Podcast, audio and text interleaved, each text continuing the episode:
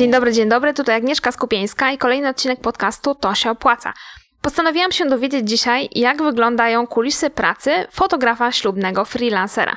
Jak to zrobić, żeby zostać fotografem ślubnym, co jest potrzebne, od czego zacząć, jak wygląda fotografowanie na ślubach od kuchni, jak wyglądają pakiety, e, jak wyglądają sesje zagraniczne. O tym wszystkim opowiada mi fotografka Agnieszka Werecha-Osińska. Zapraszam do posłuchania naszej rozmowy.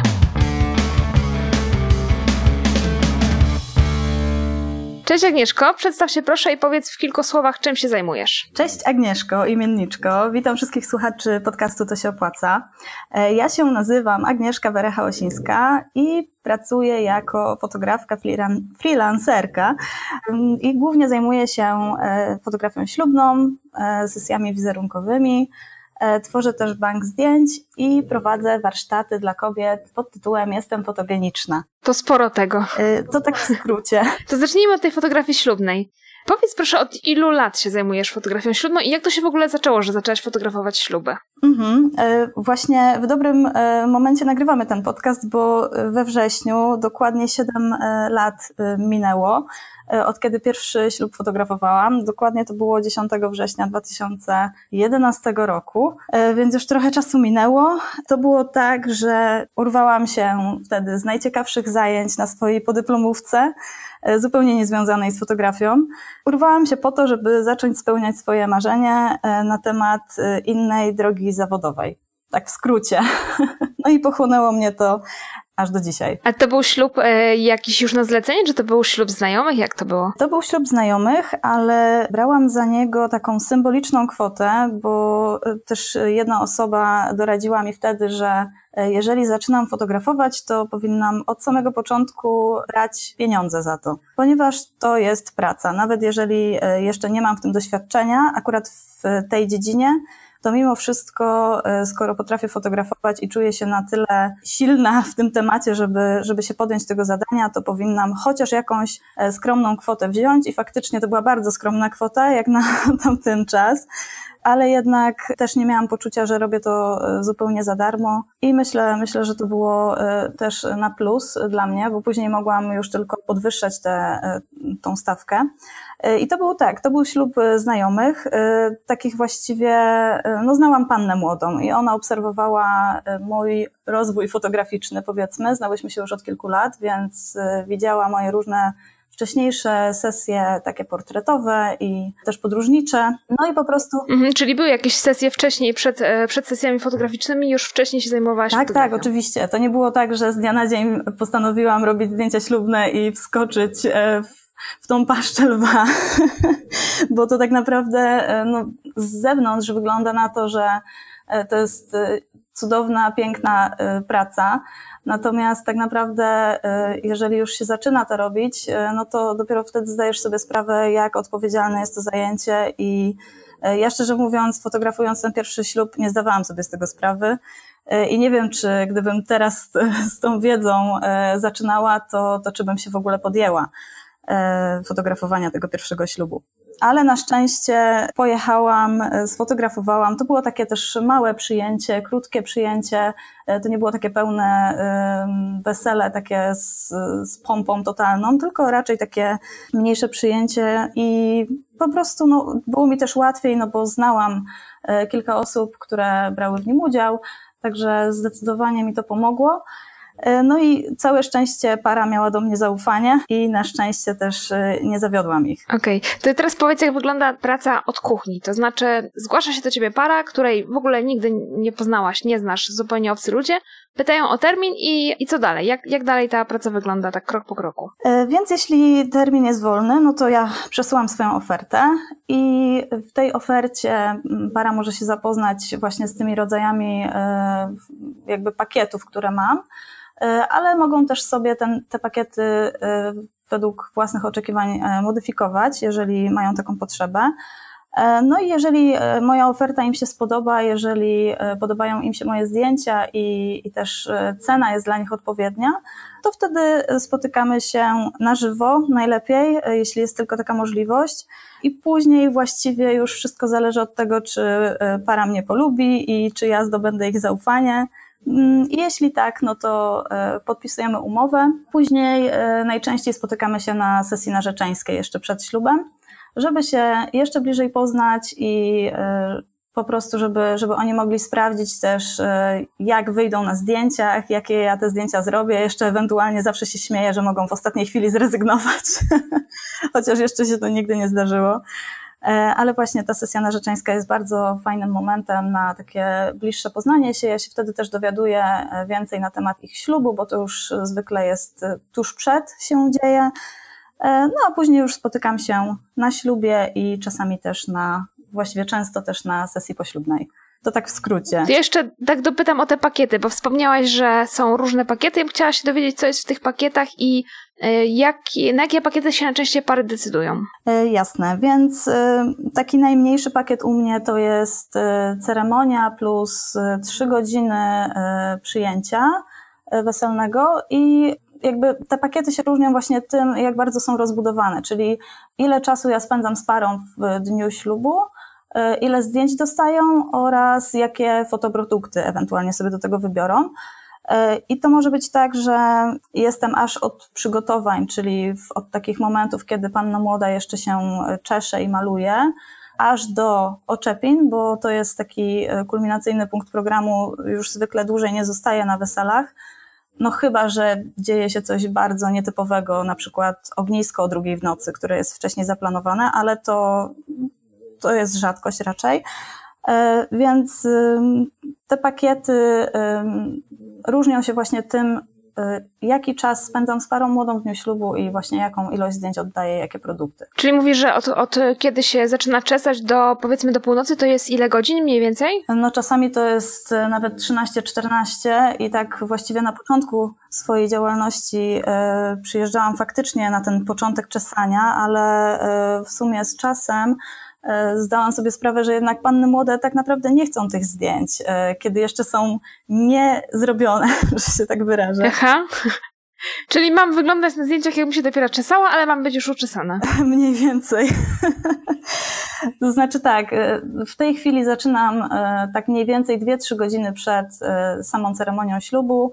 E, czyli e, w takim momencie, kiedy panna młoda już jest najczęściej uczesana i e, kończy makijaż, czyli kiedy wizerzystka już tak naprawdę robi te ostatnie szlify, no to ja wtedy wkraczam do akcji, no i później już jakby ja sobie znajduję też taki czas na fotografowanie różnych detali ślubnych, takich jak bukiety, obrączki, E, suknia ślubna, no i tak dalej. I później, e, oczywiście w międzyczasie fotografuję też e, wszystko to, co się dzieje w domu panny młodej, czyli też te wszystkie smaczki, kiedy mama patrzy takim wzruszającym spojrzeniem na córkę i kiedy tata wchodzi i widzi ją pierwszy raz w sukni. Także jak najbardziej takie momenty też. No i właśnie ubieranie, błogosławieństwo w domu też często się odbywa. E, no i później już jest wyjście. Aha, jeszcze też bardzo popularny zrobił się taki first look, e, czyli kiedy przyjeżdża pan młody i po raz pierwszy E, widzi pannę młodą, e, to też najczęściej w jakiś fajny sposób to aranżujemy. No i później już właśnie ceremonia i wesele, tak to wygląda. I najczęściej jeszcze po ślubie, już w innym dniu umawiamy się też na sesję ślubną, taką plenerową. Okej, okay, czyli ten cały pakiet to jest, e, jakby najczęściej wybierają pary właśnie taki cały bogaty pakiet, czy, czy zdarza się, tak, że tak, tak. jakoś tam... Tak, dokładnie tak. W tej chwili jest właśnie taka moda na wybieranie tego pakietu aż od przygotowań do oczepin plus Y, sesja ślubna, chociaż y, coraz y, częściej zdarza się, zdarzają się takie śluby w takim bardziej amerykańskim czy zachodnim stylu, gdzie rezygnują pary z tego pleneru w, dniu, w innym dniu, a wybierają raczej taką krótką mini sesję w dniu ślubu, żeby już nie musieli po prostu organizować się w innym dniu, bo to też wymaga od nich dużo czasu i przygotowania, więc sporo par teraz już rezygnuje też z takich dodatkowych sesji. Czy są jeszcze jakieś trendy, które się na przestrzeni lat zmieniało, że nie wiem, jak zaczynałaś, to czegoś nie było, a teraz jest, albo odwrotnie, oprócz tego tej sesji plenerowej? Mhm. Z tego, co ja obserwuję, to właściwie y, głównie zmienia się ilość zdjęć oddawanych przez fotografów. Czyli jest więcej czy mniej? Jest zdecydowanie więcej, tak, więcej i szybciej. E, bo żyjemy w takim e, czasie, kiedy e, no, ci młodzi ludzie są przyzwyczajeni po prostu do tego, że wszystko jest od razu już, tak. że zdjęcia robi się telefonem i od razu można je obejrzeć. Kiedyś było zupełnie inaczej, bo jeszcze wielu fotografów też pracowało na kliszach, więc zanim wywołali te zdjęcia, no to wiadomo, trzeba było poczekać.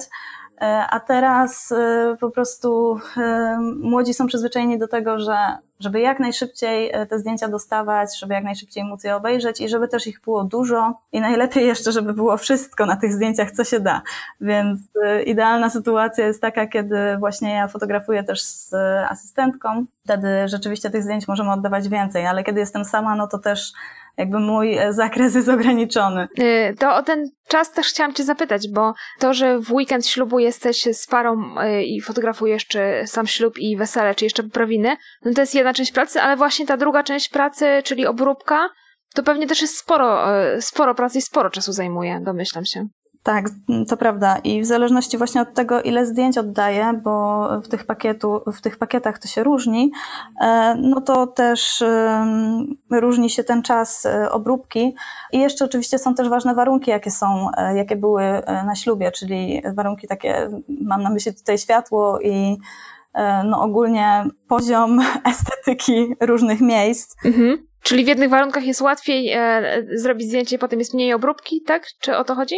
Tak, tak, dokładnie tak jak mówisz. Więc y, jeśli, jeśli ten materiał jest w miarę taki równy, równo naświetlony i kolorystyka powiedzmy była podobna, to, no to wtedy o wiele łatwiej, o wiele szybciej się obrabia zdjęcia. Natomiast jeżeli e, każdy z tych elementów y, przygotowania na przykład odbywały się w jakimś ciemnym pokoju, e, kościół później był, e, miał żółte ściany i, i milion różnych żarówek, i później jeszcze na sali e, światła DJ-a czy zespołu, e, no to jakby każdy z tych etapów muszę osobno obrabiać zupełnie, zupełnie inaczej, podejść do każdego zdjęcia. Sporo pracy. No i też jeszcze zależy od tego, czy muszę dużo też poprawiać dalej w Photoshopie, typu um, pracować na przykład ze skórą pary młodej, czy poprawiać jakieś tam, jakby to powiedzieć, niedociągnięcia o, w tym sensie. Mhm, rozumiem.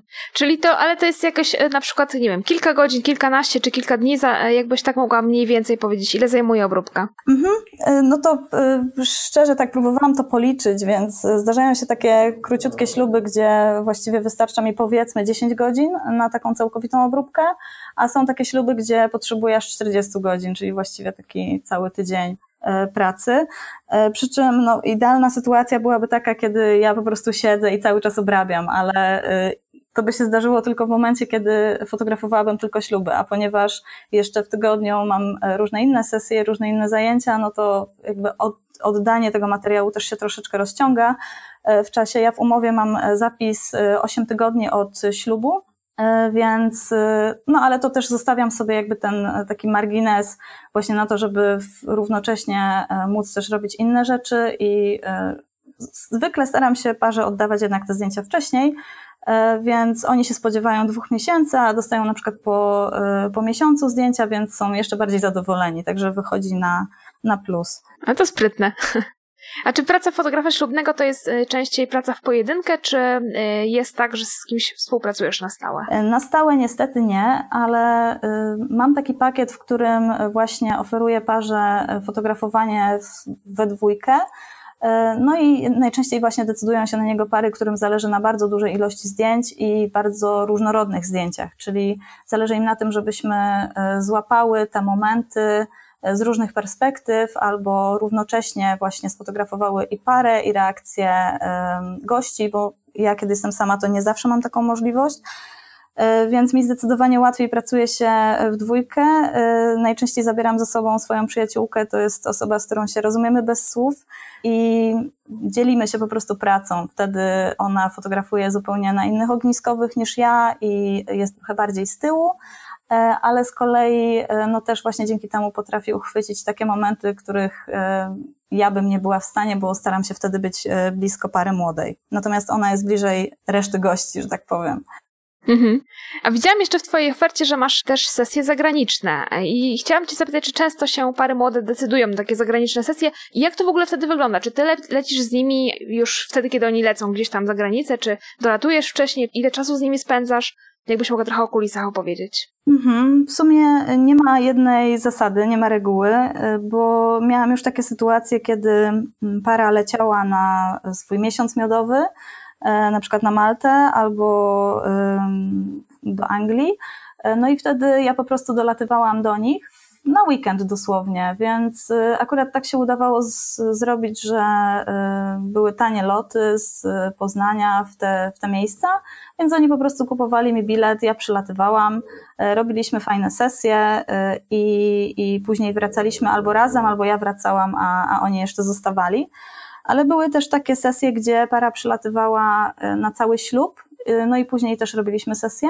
E, na przykład na Sardynii e, w zeszłym roku e, dwa śluby w ten sposób fotografowałam i to też było przy współpracy z konsultantką ślubną, która się zajmuje tylko ślubami właśnie na Sardynii. Także tutaj polecam. to jest polska, polska konsultantka, która się tak, zajmuje? Tak, tak. Polska, polska konsultantka to jest Karolina, która ma agencję Karla Events, więc tutaj mogę polecić pannom młodym, które by słuchały Bardzo e, wąska specjalizacja w takim razie. Tak, tak, tak. To znaczy ona oczywiście też może zorganizować, e, z tego co wiem, ślub w innym miejscu we Włoszech, natomiast e, no, sprecyzowała się na Sardynii, bo kocha tą wyspę i właściwie to wcale jej się nie dziwię, bo będąc tam też się zakochałam. Więc fajne miejsca. No też e, zdarzyło mi się jechać z parą do Wenecji i wtedy jechaliśmy samochodem i jeśli dobrze pamiętam, to jechałam z, tak, jechałam z nimi samochodem, a później wracałam już do Polski autobusem, a oni jechali gdzieś tam dalej, e, chyba do Francji. I miałam też taką te, miałam też takie sesje w Barcelonie, ale to była zupełnie moja inicjatywa, gdzie po prostu na swoim fanpage'u ogłosiłam, że będę w Barcelonie w tych i w tych dniach i jeżeli ktoś ma ochotę, będzie akurat w tym, w tym czasie, e, no to jestem do dyspozycji. No i w ten sposób się właśnie dwie pary zgłosiły. Także y, tutaj polecam też właśnie inicjatywę własną. Jeżeli ktoś chce zacząć takie sesje zagraniczne, no to, y, to myślę, że tutaj warto uderzać do takich osób, które lubią podróżować albo które mieszkają już właśnie w danym mieście za granicą i, i byłyby zainteresowane. Mhm. Wspomniałaś o tym Facebooku, że ogłosiłaś na Facebooku, że będziesz w Barcelonie i przyszło mi do głowy takie pytanie, skąd ty najczęściej pozyskujesz teraz klientów? Czy oni do ciebie trafiają z poleceń, czy do, trafiają właśnie z Facebooka, czy z jakichś jeszcze innych źródeł? Jak to wygląda? Więc tak, właśnie dwie, y, dwa takie główne źródła pozyskiwania klientów, że się tak wyrażę, y, to jest Facebook i y, właśnie polecenia tych par, które fotografowałam i w zasadzie to tak bym powiedziała 50 na 50 Y, jak obserwuję i jak pytam. Y, najczęściej jest tak, że po prostu znajomi, znajomi znajomych y, widzą zdjęcia na fejsie, widzą, że, że ci znajomi byli na nich oznaczeni. Nie byli sami na tym ślubie, ale po prostu spodobały im się zdjęcia i w ten sposób do mnie trafiają. A inne pary to są właśnie takie, które były na tych ślubach, były na weselach, widziały też jak pracuję, zdążyły mnie poznać troszeczkę E, no i jakby takim osobom jest zdecydowanie łatwiej e, nawiązać też ze mną kontakt i myślę, że też e, później fajniej się pracuje, kiedy oni już też znają moje możliwości, że tak powiem. Mhm. To teraz e, takie pytanie e, związane z zaczynaniem pracy jako fotograf ślubny, bo wiem, że słuchają nas osoby, które e, dopiero chciałyby być freelancerami, być może właśnie freelancerami w branży ślubnej, więc jakbyś mogła powiedzieć, jakie cechy musi mieć ktoś, kto chciałby być fotografem ślubnym, ale też jaki podstawowy sprzęt będzie mu przydatny? Jeśli chodzi o takie cechy, to myślę, że powinien lubić ludzi i też dać siebie lubić i przy tym być komunikatywny i taki mm, dość emocjonalny, e, żeby też e, umieć w trakcie tego dnia ślubu tak empatyzować może troszkę z, właśnie z klientami i z, też z rodziną. I myślę, że też z drugiej strony, e, oprócz tej takiej ludzkiej twarzy, to trzeba też mieć bardzo dużą taką samodyscyplinę, E, właśnie do tego, żeby później wiele, wiele godzin e, móc wysiedzieć przy komputerze, obrabiając zdjęcia, projektując albumy i e, tworząc galerie i tak dalej, bo to jednak jest ta dłuższa część pracy. I taka dosyć żmudna i powtarzalna. Tak, dokładnie, dokładnie.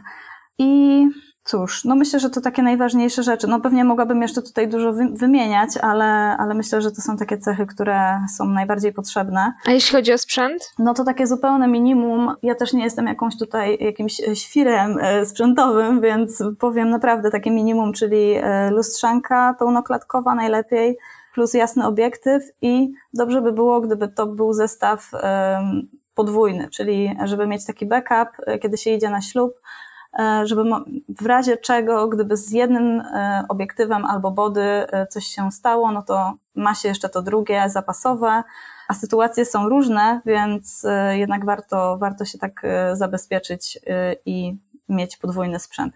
Chociaż ja jak szłam na pierwszy ślub, to jest taki smaczek, miałam oczywiście lustrzankę, to jeszcze nie była pełna klatka, a jako backup zabrałam sobie taką zwykłą, malutką cyfrówkę, bo nie miałam nic innego, nie miałam od kogo pożyczyć, więc stwierdziłam, że no, w razie czego będzie chociaż, y, będą chociaż takie zdjęcia, ale y, no to nie było zbyt mądre. Okej, okay, a jeszcze jakaś y, karta pamięci jakiej wielkości, że już tak o technikalia zapytam? Fu, to jest dobre pytanie. Albo ile kart pamięci może raczej no Właśnie, zapytać. właśnie, dosyć, ja biorę sporo, dlatego że moja lustrzanka ma też podwójne wejście na karty, z tego względu, że, że też się zabezpieczam. Na jednej karcie jest zapis zdjęć w formacie RAW, a na drugim e, jest, na drugiej karcie zapisują się JPEGi, czyli też e, jakby już w tym momencie e, mam taki backup, że w razie gdyby coś się stało z jedną kartą, to jeszcze druga będzie w zapasie. Więc no właśnie, te karty trzeba by liczyć podwójnie, ale też w zależności od tego, ile godzin zamierza się spędzić na tym reportażu ślubnym. Czyli Szczerze mówiąc, trudno mi powiedzieć tak e, wprost, bo to też zależy właśnie od tego, jak e, duże zdjęcia e, robimy. No tak, wiele parametrów trzeba wziąć pod uwagę. Dokładnie. To jeszcze przypomniało mi się a propos samych zdjęć na ślubach. Kiedyś słyszałam o czymś takim, że trzeba mieć jakieś pozwolenie na to, żeby robić zdjęcia w kościele. Nie znam się na tym, więc chciałam Cię to zapytać, jak to wygląda z takiego formalnego e, punktu widzenia. Tak, e, jest coś takiego jak upoważnienie, to jest taka mm, licencja na fotografowanie, że tak powiem, wystawiana przez Kurię Metropolitalną. I mm, no, faktycznie wypadałoby to mieć, e, z tego względu, że nie każdy ksiądz zgodzi się na wejście fotografa do kościoła, który, fotografa, który nie ma takiej licencji, takiej zgody na fotografowanie a właśnie niektórzy księża potrafią być tacy bardzo, y, że tak powiem, trudni w negocjacjach, jeżeli nie ma się takiej zgody. E, więc warto to mieć, ale y, tak naprawdę to nie jest y, duży koszt, bo w Poznaniu chyba 30 zł zapłaciłam za taki kurs. No to faktycznie. Trwał on jakieś 3 godziny. E, no i on się odbywa tylko raz w roku, więc trzeba też śledzić e, dokładnie, e, gdzie, gdzie i kiedy on się odbywa, i wtedy po prostu przyjść, zapłacić i, i dostaje się taką legitymację już tego samego dnia. Te kursy się zwykle odbywają w okolicach października, listopada, grudnia, właśnie poza sezonem ślubnym, więc można się też łatwo na nie załapać. W razie czego, jeżeli się nie uda we własnym mieście, to można pojechać też do innego miasta i tam taką zgodę dostać. Ale ta zgoda jest wtedy ważna w całej Polsce, czy ona jest ważna tylko w tym jednym konkretnym obszarze czy w mieście? Teoretycznie tylko w jednej archidiecezji, ale w praktyce no jeszcze mi się nie zdarzyło, żeby e, księża w innych, e, w innych województwach czy, czy właśnie w innych miastach niż moje nie zgodzili się na, na wejście. Także myślę, że e, dobrze jest ją mieć jako taką podkładkę i niezależnie od tego właśnie, gdzie się ją zrobiło, ale, ale mieć. Mhm. To jeszcze wracamy do tych początkujących. Jakbyś miała powiedzieć, co jest ważniejsze, jak się, kiedy się zaczyna? Czy dobry sprzęt, czy jednak jakieś doświadczenie wcześniej z jakichś innych sesji, e, innych e, rodzajów zdjęć? Co jest ważniejsze na początku pracy? Dobry sprzęt na pewno bardzo pomaga i w wielu sytuacjach może też uratować początkującą osobę ale wydaje mi się, że doświadczenie będzie tutaj zdecydowanie ważniejsze i jakby mam tutaj też e, na myśli takie obycie się właśnie ze ślubami, z, z całą tą sytuacją, e, z takim szablonem, schematem ślubnym, bo jednak śluby się rządzą też swoimi prawami i one zwykle są do siebie podobne. E, w 90% te śluby są do siebie podobne i można się spodziewać, że po jakiejś sytuacji nastąpi inna i że to będzie y, podobna do, do, do innych ślubnych sytuacji. Więc y, myślę, że takie obycie się właśnie z, z całym takim schematem ślubnym się bardzo przydaje. E, no i też przede wszystkim e, tutaj y, właśnie ta komunikacja, o której wcześniej wspomniałam, w trakcie ślubu trzeba się umieć po prostu dogadywać też z ludźmi i, i to nie tylko z parą, e, ale też z gośćmi, z, żeby chcieli współpracować chociażby przy zdjęciu grupowym, e, żeby właśnie z księdzem. E, bo zawsze przed ceremonią ślubu w kościele wypada podejść do księdza, przedstawić się i, i powiedzieć, że będzie się robiło zdjęcia, pokazać właśnie tą legitymację. Niektórzy księża właśnie mają tutaj swoje różne zasady, więc trzeba też umieć z nimi trochę ponegocjować. Tak samo z urzędnikiem, chociaż urzędnicy są zwykle dużo bardziej wyluzowani, na szczęście. I później na weselu z, no, trzeba umieć rozmawiać praktycznie z każdym, z menedżerem sali, z, z DJ-em czy z zespołem, dogadywać się, w którym momencie jakby co zorganizować, y, czy, y, czy w tym momencie mogę zabrać parę młodą na, na mini sesję, czy nie mogę, bo, bo coś innego planują w tym, w tym czasie. Także y, no myślę, że, że warto tutaj mieć takie doświadczenie, nawet nie tyle fotograficzne, co oczywiście też się bardzo przydaje, ale też takie doświadczenie po prostu w pracy i w byciu z innymi ludźmi. Ciekawe, co mówisz, bo e, myślę, że wielu osób wyobraża sobie fotografa ślubnego jako takiego kogoś, kto po prostu gdzieś tam pójdzie, jakieś tam zdjęcia robi, a tutaj e, z tego, co mówisz, trzeba po prostu z tymi ludźmi rozmawiać, trzeba wiedzieć, co robić, gdzie robić, kiedy robić, kiedy do kogo podejść i jak to wszystko jest zorganizowane, jak wszystko wygląda, więc e, no nie tylko chodzi o robienie zdjęć. Dokładnie, dokładnie. Chociaż właśnie no, takie doświadczenie y, wcześniejsze, jeśli chodzi o sesje zdjęciowe inne, portretowe, czy krajobrazy, czy fotografie y, makro, y, no tak naprawdę fotograf ślubny jest taką osobą, która musi umieć sfotografować wszystko, czyli właśnie od takich detali typu pierścionek, obrączki, kwiaty, suknia ślubna, przez y, właśnie sesje plenerowe, które no najczęściej, jeżeli para nas zabiera w jakieś ładne miejsce, no to y, też chcę, żeby to miejsce było pokazane, a nie tylko y, same portrety tej pary młodej, więc trzeba też umieć fotografować krajobraz, trzeba umieć pracować ze światłem w różnych sytuacjach, naprawdę różnych i takich czasami kryzysowych, kiedy tego światła mocno brakuje.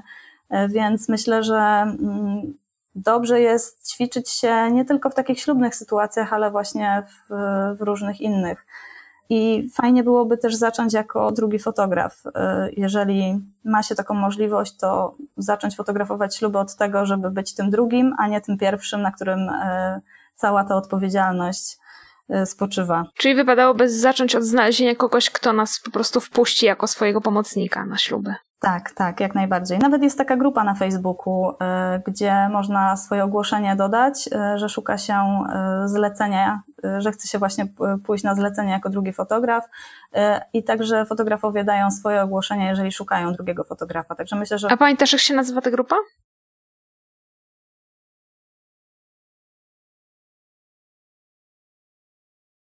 Okej. Okay.